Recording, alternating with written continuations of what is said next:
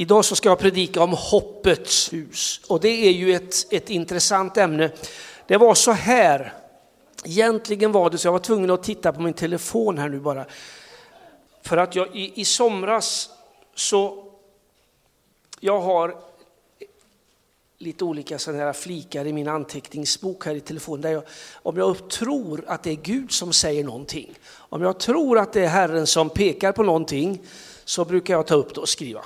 En del faller bort, då får vi lita, litar jag på att det var inte Gud. Och en del finns kvar. Och det bara poppar upp hela tiden. Och det var så här upplevde jag, jag kommer inte exakt ihåg vilken dag det var, men det var i somras, att Herren bara sa så här om oss som församling. Och det gäller också oss som individer tror jag, för eftersom församlingen är ju inget, någon storhet som inte består av individer. Och du och jag är dem. Då upplevde jag att Herren sa så här, eller egentligen var det en bön, så här, låt oss vara ett hoppets hus. Låt det vara lätt att återvända hem till Gud. De två meningarna, låt oss vara ett hoppets hus. Låt oss vara en plats där det är lätt att återvända hem, få hitta hem till Herren. Och utifrån det så har, har eh, den här predikan formats. Hoppas att det, får, att det är från Herren och att det är någonting som får tala till dig och utmana oss också.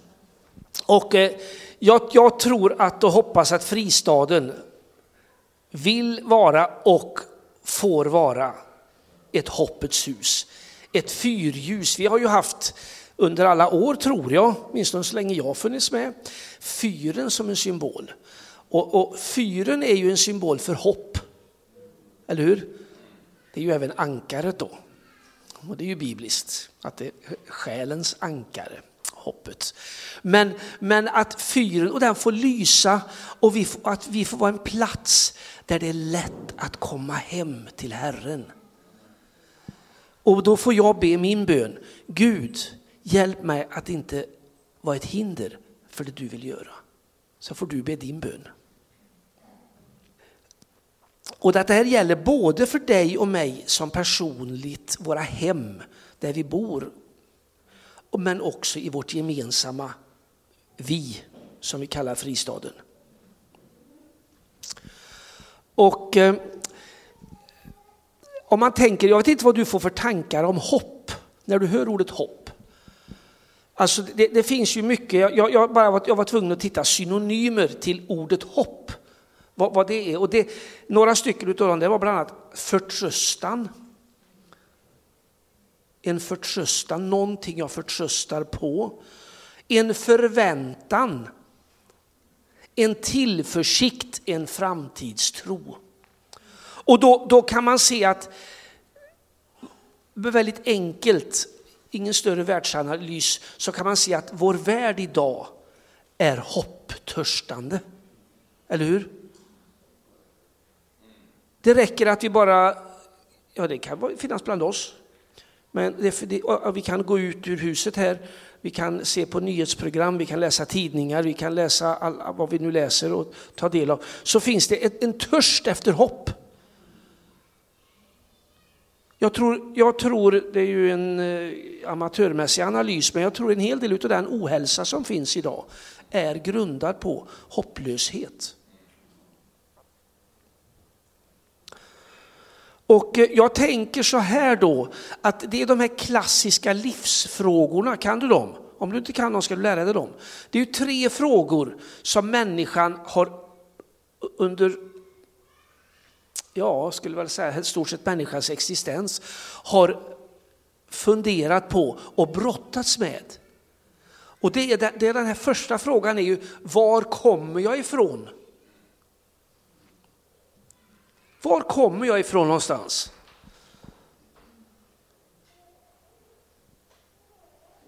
Och då kan man ju som, som kristen landa i att vi är skapade av Herren till hans avbild.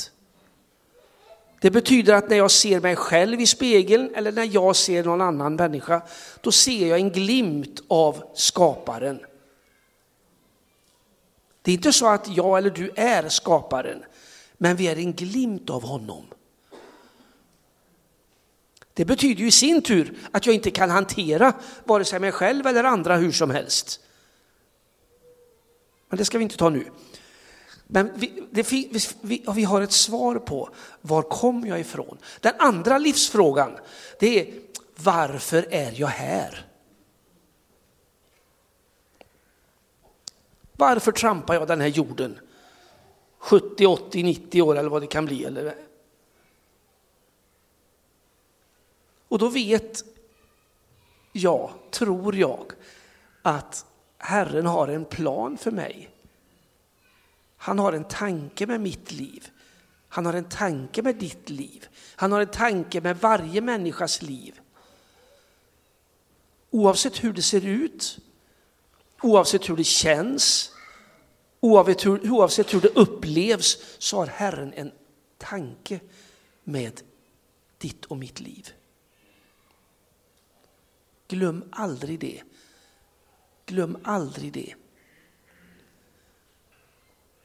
Det som ofta står i hinder för den svaret på den frågan det är ju att vi vill vara någon vi inte är.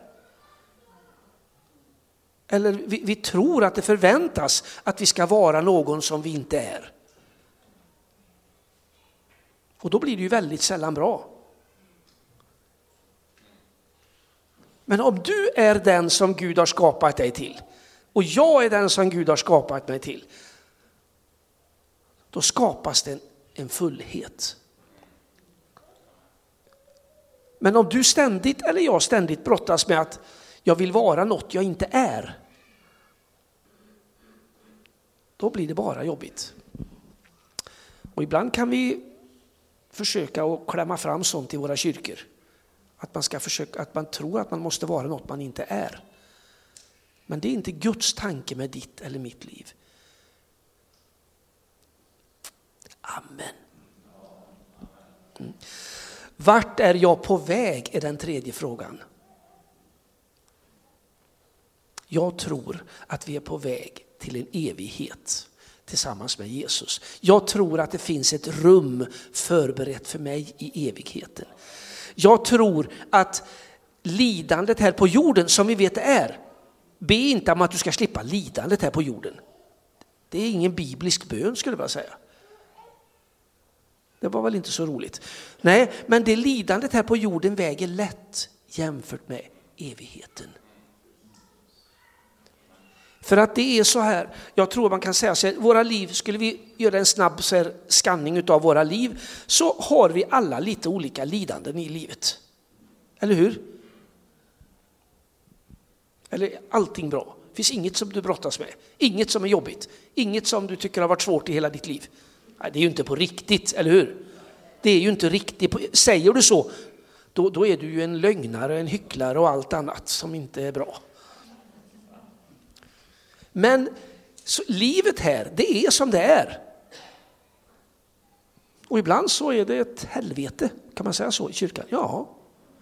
Och ibland är det himmelriket på jorden. Men evigheten är förberedd för dig och för mig. Och för varje människa som du och jag möter. Eller hur? Ja. Så de frågorna är liksom centrala för hopplös, hopptörstandet skulle jag vilja säga. Och eh, den krist, det kristna hoppet, vi ska ju landa i det här nu, det är ju helt beroende av tro och förtröstan på Herren. Och det, en, det, och det bygger ju på vem Gud är och vad Gud har sagt. Eller hur? Den kristna, det kristna hoppet det är helt beroende av att du tror, förtröstar, kan man använda ett annat ord, på honom. Och vad är det du förtröstar på? Jo, det är att det han säger att han är i ordet och det han har sagt och gjort. Alltså hopp, det kristna hoppet är inte jag hoppas att det går bra för mig vid fotbollsmatchen, det är inget kristet hopp. Eller jag hoppas att jag vinner på Lotto eller jag hoppas det är inte det hoppet, det är ett annat hopp. Det kristna hoppet är intimt förknippat med Gud och hans evangelium. Det är liksom inget annat, ingen annat hopp. Ibland försöker vi kanske, att jag kommer det lite längre fram, jag kallar det sekularisera, att vi försöker att sekularisera hoppet. Alltså skapa något hopp vid sidan om Gud. Och det blir inte något som, det är ingen klippa, det är ingen klippfast grund. Men vi ska läsa ett ord här. Det var Gunnar, han är, Gunnar vet du, om du inte har lärt dig uppskatta honom så du kan ju tycka han är bara besvärlig. Det kan han ju vara också, för han är, han är ju människa. Men han, han är väldigt, jag tycker, uppskattar Gunnar. Han ringde i, jag kommer inte ihåg när det var, och då ringer han flera gånger för jag svarade inte först, för jag hade något annat för mig. Och gjorde något och svarade, och så ringde han en gång till och så ringde han en gång till tror jag. jag tror. Och så till sist så tänkte jag, jag får ringa, det kanske är någon som har dött. Nej, det var, då, nej, jag tänkte inte så. Men du, Anders säger han, Anders, har du tänkt på det som står i Romarbrevet 15 och 13? Nu när du, för visst, jag hade ju pratat om att jag skulle predika om hoppet. Och jag hade i och för sig tänkt på det här funnits med, men då strök han under det. Han är expert på det, han kommer med ord så här. Frågar du, prata med Gunnar ibland. Där står det så här, Romarbrevet 15 och 13. Må hoppets Gud uppfylla er med all glädje och frid i tron så att ni överflödar i hoppet genom den helige andes kraft. Här lyckas ju Paulus med mästerstycket, eller med Guds hjälp, tror jag. Att eh, han säger så att hoppet är ju en egenskap hos Gud. Eller hur? Det är hoppets Gud. Gud är hoppets Gud. Och eh, och vi som känner honom, som har sagt vårt ja, Jesus, jag vill vara din. Vi får också nåden att överflöda i detta hopp. Det är fantastiskt. Vi får vara kopplade till hoppets Gud och vi får nåden att också överflöda i detta hopp. Det står också i Hebreerbrevet 7 och 19 så här att lagen åstadkom ju inte något fullkomligt. Vi kan ju försöka att göra rätt. Och det, jag ska säga, det skiter ju sig hela tiden. Så får man kanske inte, men det blir, så ofta det blir inte så bra. Har du försökt det någon gång? Anders har försökt det massor med gånger och sagt jag ska aldrig mer göra så. Och Karin är väl den som mest har fått prövas i detta. Men ursäkta mig, lagen åstadkom ju inte något fullkomligt, men ett bättre hopp har kommit och genom det träder vi fram inför Gud. Hoppet, Gud är hopp, hoppets Gud. Jesus är hoppet för dig och för mig. Och genom det får vi träda fram inför Gud. Det är genom Jesus som vi får tillträde till Fadern. Du vet att, när, du vet att förlåten, det stora tjocka tyget som hängde i templet framför det allra heligaste, att det rämnade. Och så i och genom Jesus får du och jag tillträde till Fadern. Wow! Wow! Wow! Ett bättre hopp har kommit och genom det träder vi fram inför Gud. Hebreerbrevet 7 och 19. Vi ska fortsätta och, och vi, vi, landar i att vi behöver landa i att Gud, han är allsmäktig. Ibland så beter vi oss ju som om han inte är det. Tror du att Gud har haft kontroll över historien ifrån skapelsen fram till idag? Eller har Gud tappat kontrollen någon gång? Nej. Har du trott att du behöver ha kontroll över historiens utveckling. Har du betett dig så någon gång? Ja. Vi tror att vi kanske är Gud ibland. Men det är Gud som är allsmäktig. Och detta här var ju Abraham fick ju erfara det här. Jag tänker Paulus citerar Romarbrevet 4.21 så här. Va? hur Abraham var fullt övertygad om att vad Gud har lovat var han också mäktig att hålla. Behöver jag hjälpa Gud för att hålla sina löften? Har du försökt att hjälpa Gud att hålla sina löften i dina böner ibland? Ja. Nu är jag besvärlig mot dig. Men ibland behöver vi se hur vår relation till Gud är och hur, hur vårt liv verkligen är. För det, det, det, ibland så reflekterar vi inte över vad vi, hur vi beter oss, hur vi tänker. Och det begränsar Gud faktiskt. Det begränsar Gud, inte för Gud att vara historiens Gud, men det begränsar dig och mig för att Gud får inte tillträde riktigt i våra rum.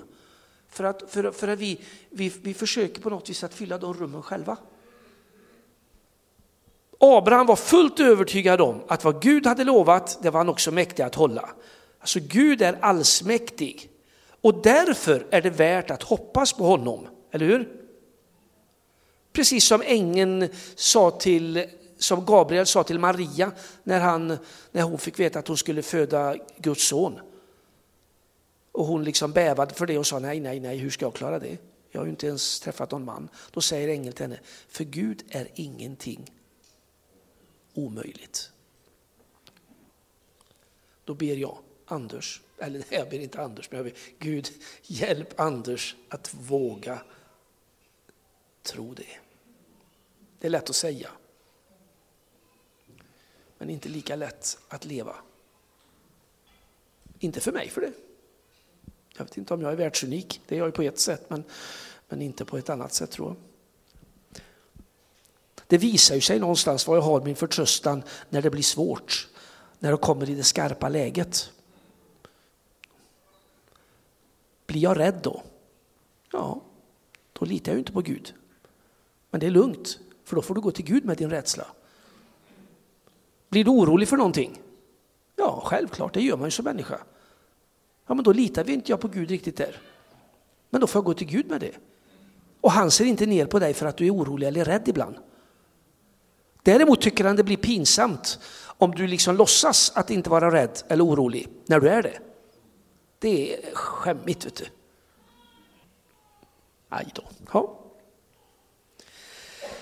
Jag skrev så här, det kristna hoppet är alltså knutet till både vem Gud är och vad han har sagt. Herren är allsmäktig och han är hoppets Gud. Och som sån har han lovat att ge var och en som tror på honom del i det himmelska arvet. Medarvingar har vi läst vi, eller hur? Jag sa förut att eh, vi, vi, i hoppet symboliseras ju ofta av ett ankare. Och det har ju sin grund i Hebreerbrevet, läser vi ju om det. Alltså där det står i Hebreerbrevet 6 och 19 att vi har sökt vår tillflykt i att hålla fast vid det hopp vi äger. I detta hopp har vi ett tryggt och säkert själens ankare som når innanför förlåten oss ända fram till Fadern. Och min bön är, när jag läser det här, låt oss fortsätta eller börja att förmedla detta hopp till den hopptörstande världen. Och då, jag tror, och då är det viktigt att vi, vi har Nya Testamentets förkunnelse som en mall när det gäller hur, hur vi presenterar hoppet. Och, och, och, där är ju det centralt att detta med omvändelse och tron, det är det som öppnar upp för arvet och för Guds hopp. Det finns liksom ingen kringväg där. Och, och, och, där tror jag vi behöver landa i, och vi behöver ha detta för våra ögon hela tiden. Och sen skrev jag här också att, att eh, det här hoppet, att det får bli konkret. Det får bli, alltså hoppet är inte ord, utan ordet är konkret. Hoppet är något konkret, någonting som förändrar människors liv, ditt och mitt liv alltså, och något som kan förvandla, förvandla ett samhälles liv. Jag ser ingen utväg, kanske du har sagt någon gång. Nej, så kan det ju vara. Det har jag också känt jag ser ingen utväg. Men då behöver Gud landa i mitt hjärta. Eller få landa. Att ändå någonstans i botten så finns det, ja men Gud är allsmäktig. Men jag känner inte det. Nej. Och det, det, det, det är okej att inte känna det. För Guds, Guds allsmäktighet, eller vad man ska säga, den förändras ju inte på grund av vad jag känner. Det är, lika, det är lika som när Guds närvaro har inget med din känsla att göra, han är alltid nära dig. Oavsett om du känner ditt eller datt. Gud är alltid nära dig. Eller Guds kärlek. Guds kärlek är konstant på max. Sen du, om du bejakar det eller inte, det är en annan sak. Men du kan aldrig säga att, du, du säg aldrig att eh, Gud kom nära mig. Eller det är en väldigt konstig bön, för han är nära dig. Däremot kan du be att du vänder dig till honom. Men Gud är ju aldrig långt borta. Hans kärlek har aldrig, tar, tar aldrig avstånd ifrån dig som individ. Han älskar dig konstant, konstant, konstant, konstant. Och, och på max liksom. Våra känslor kan säga något helt annat. Upplevelser. Men låt hoppets Gud bli konkret. Låt hoppet och låt evangeliet bli konkret. Och, och det, det, hur, vad innebär det då? Ja, det kan, jag kan ge exempel på vad det innebär. Jag pratade bara några ord nu innan här med, med Stefan, han, då har han kört leksaker till, till barn som vi har samlat in här. Det är konkret hopp, evangelium. Torsdagarna här, då käkar vi god mat. Det är hopp, evangelium i konkret form. Sen kan det falla ihop med ord. Du kanske hjälper en granne att klippa gräset eller du hjälper någon som inte orkar, vad vet jag. Det är hopp och evangelium i konkret form. Att vara, sträcka sig ut till någon annan. Och så tids nog så kanske det kommer en fråga, men varför håller du på och hjälper mig? Ja, då, då kan ju du säga någonting om Gud, om Jesus, om det han har lagt ner i ditt hjärta. Det är det ena valet, då ger du honom äran. Eller också kanske du talar om vad duktig du är. Ja, jag hjälper sju till. Och jag har kört åtta. Är du med? Då är det högmod. Det är två, två diken. Men då är det bättre med det ena diket, att ära Gud. Om det nu är ett dike, jag vet inte. Dela, en, dela, en, dela inget dike. Nej. Så att låt hoppet och evangeliet bli konkret handling. Och nu, nu, vi ska, vi ska, jag ska bara gå in för lite grann av, avrunda det här nu snart. Första Petrusbrevet läste Gunnar i, här, i, i första kapitlet. Jag ska läsa ifrån tredje kapitlet, två versar. Eller två, ja, två verser är det. Där det står så här, första Petrus 3, 15 och 16. Herren Kristus ska ni hålla helig i era hjärtan. Var alltid beredd att svara var och en som begär att ni förklarar det hopp ni äger. Du behöver planera, tänka igenom hur kan jag presentera evangeliet utan att, utan att hålla på i sju minuter. För då har den gått efter en halv.